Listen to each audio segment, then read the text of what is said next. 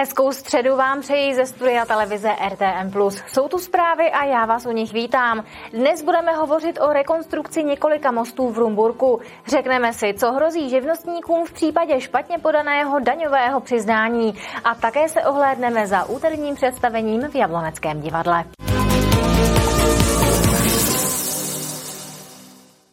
Některým poplatníkům v Libereckém kraji, kteří mají povinnost podat daňové přiznání elektronicky, hrozí pokuta. Místní finanční úřad eviduje už zhruba 20 případů, kdy poplatníci podali přiznání fyzicky nebo ho poslali elektronicky ve špatném formátu. Pokud je se vyhnou, pokud svou chybu napraví do 2. května.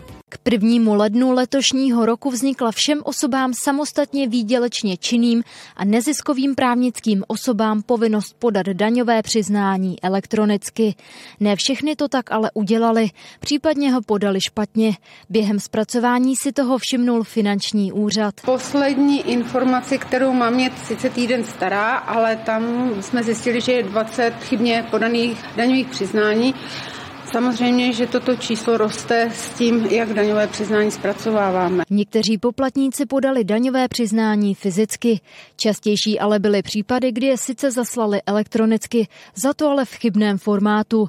Vyfotit přiznání a poslat ho v PDF souboru totiž nestačí. Správně musí být ve formátu XML. V momentě, kdy zjistíme, že daňové přiznání nebylo podáno elektronicky, byť by podáno být mělo, neprodleně, neformálně kontaktujeme toho daňového subjekta, buď SMS-kou nebo e-mailem, nebo i telefonicky podle toho, jaký dostupný prostředek té komunikaci máme. Svou chybu mohou poplatníci napravit do 2.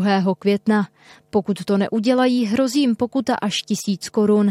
S problémem chybně podaného daňového přiznání se setkal například Štěpán Koníř. Měl mám kamaráda, který je osoboče taky a vlastně teď podává daňové přiznání jako poprvé, úplně vůbec poprvé, ale Mu to nějak zpracovala, poslal to tam v PDF, samozřejmě se to vrátilo a měl jsem trochu problém, protože to do toho PDF musel nějak ještě předělávat a bylo to velký soubor, takže tady s tím problém mít může. No. Vyplňování daňového přiznání si mohou poplatníci zjednodušit. Formulář najdou například na portálu Moje daně. Prostřednictvím něho si mohou data zkontrolovat a následně celé přiznání i hned odeslat finančnímu úřadu. Kateřina Třmínková, televize RTM+. Jsou tu další informace z kraje. Tentokrát stručně vydáme se na Českodubsko.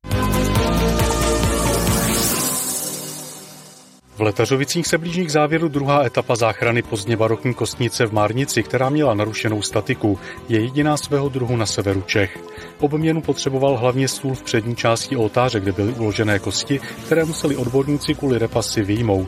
Iniciátorem záchrany této kulturní památky je spolek Dubáci. Kostnice bude příležitostně přístupná i veřejnosti.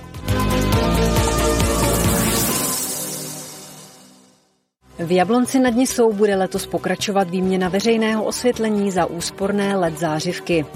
V plánu je obnova více než 1200 svítidel. Na většinu město získalo 8 milionovou dotaci. Další stovky lam vymění v rámci údržby technické služby. Za úspornější se postupně mění také osvětlení ve školách a školkách. V rozpočtu je na to asi 5 milionů korun a další peníze jsou v rezervě.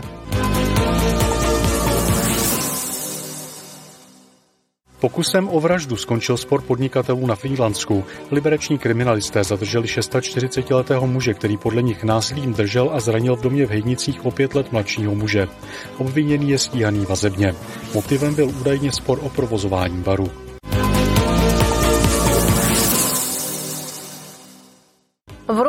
Musí řidiči počítat s několika dopravními omezeními. Hned dvě je čekají v Sukově ulici. Tady je už dva roky zcela uzavřený most u zimního stadionu a částečná uzavírka je i na mostě u koupaliště. Obě akce by měly být hotové ještě letos. Na dopravní omezení řidiči brzy narazí také v Horním Jindřichově. S příchodem jara začínají všemožné opravy komunikací. Například v Rumburku teď pracují na rekonstrukci dvou mostů v Sukově ulici. Ten u zimního stadionu radnici významně komplikuje život už dva roky. Původní zhotovitel totiž skončil v insolvenci.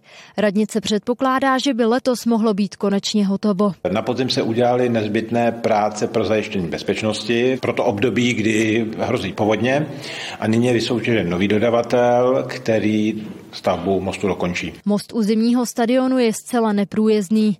Ten u koupaliště je uzavřený jen z části, protože je jeho rekonstrukce rozdělená na dvě poloviny. V současné době se tam eh, řeší problémy s elektrickým kabelem, ale během května, června by měl být most dokončen. Důležité je, že v současné době je přístup na Dybník průjezdný.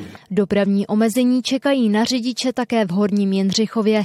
Tady Ústecký kraj plánuje opravu dvou mostů přes Mandavu. Začne se rekonstrukcí mostu s evidenčním číslem 2.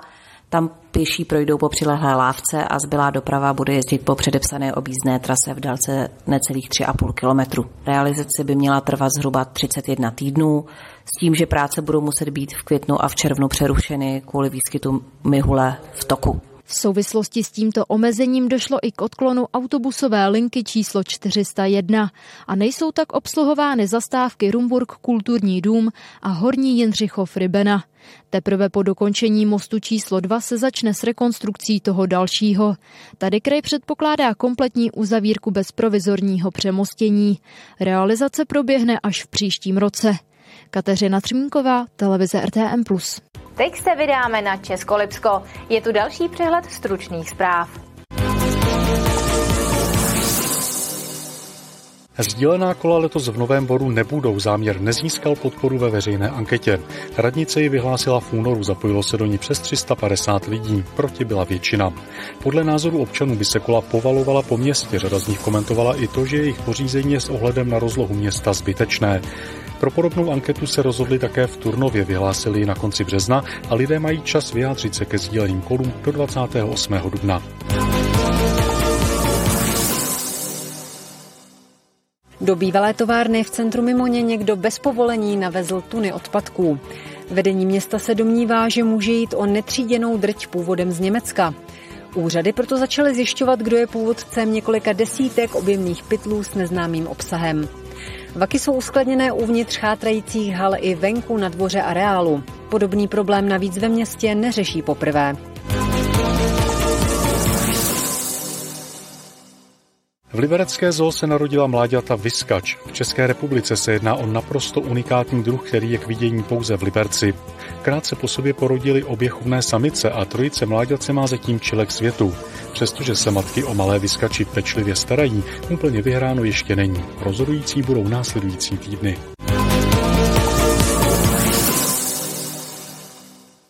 Na divadelních prknech v Jablonci nad ní souzářila Jana Krauzová.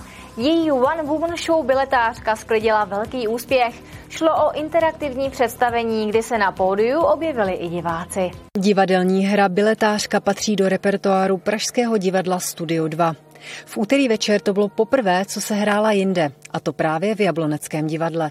No tak z toho důvodu, že je to poprvé teda mimo naše divadlo, kde teda jsem měla premiéru a pár repríz, tak je to pro mě taková premiéra, ale vzhledem k tomu, že to je nádherný prostředí, tak se na to těším moc.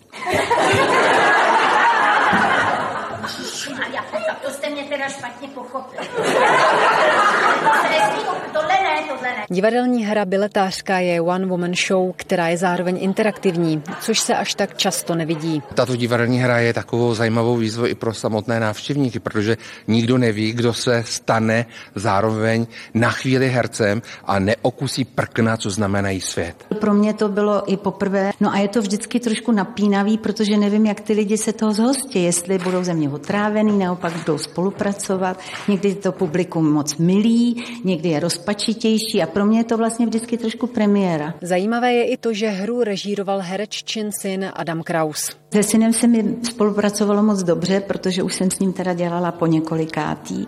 No a protože máme podobný vkus a podobný cítění, tak to bylo moc příjemný a já jsem byla za to moc ráda. Představení sklidilo v Jablonci velký úspěch. Už teď se diváci mohou těšit na další.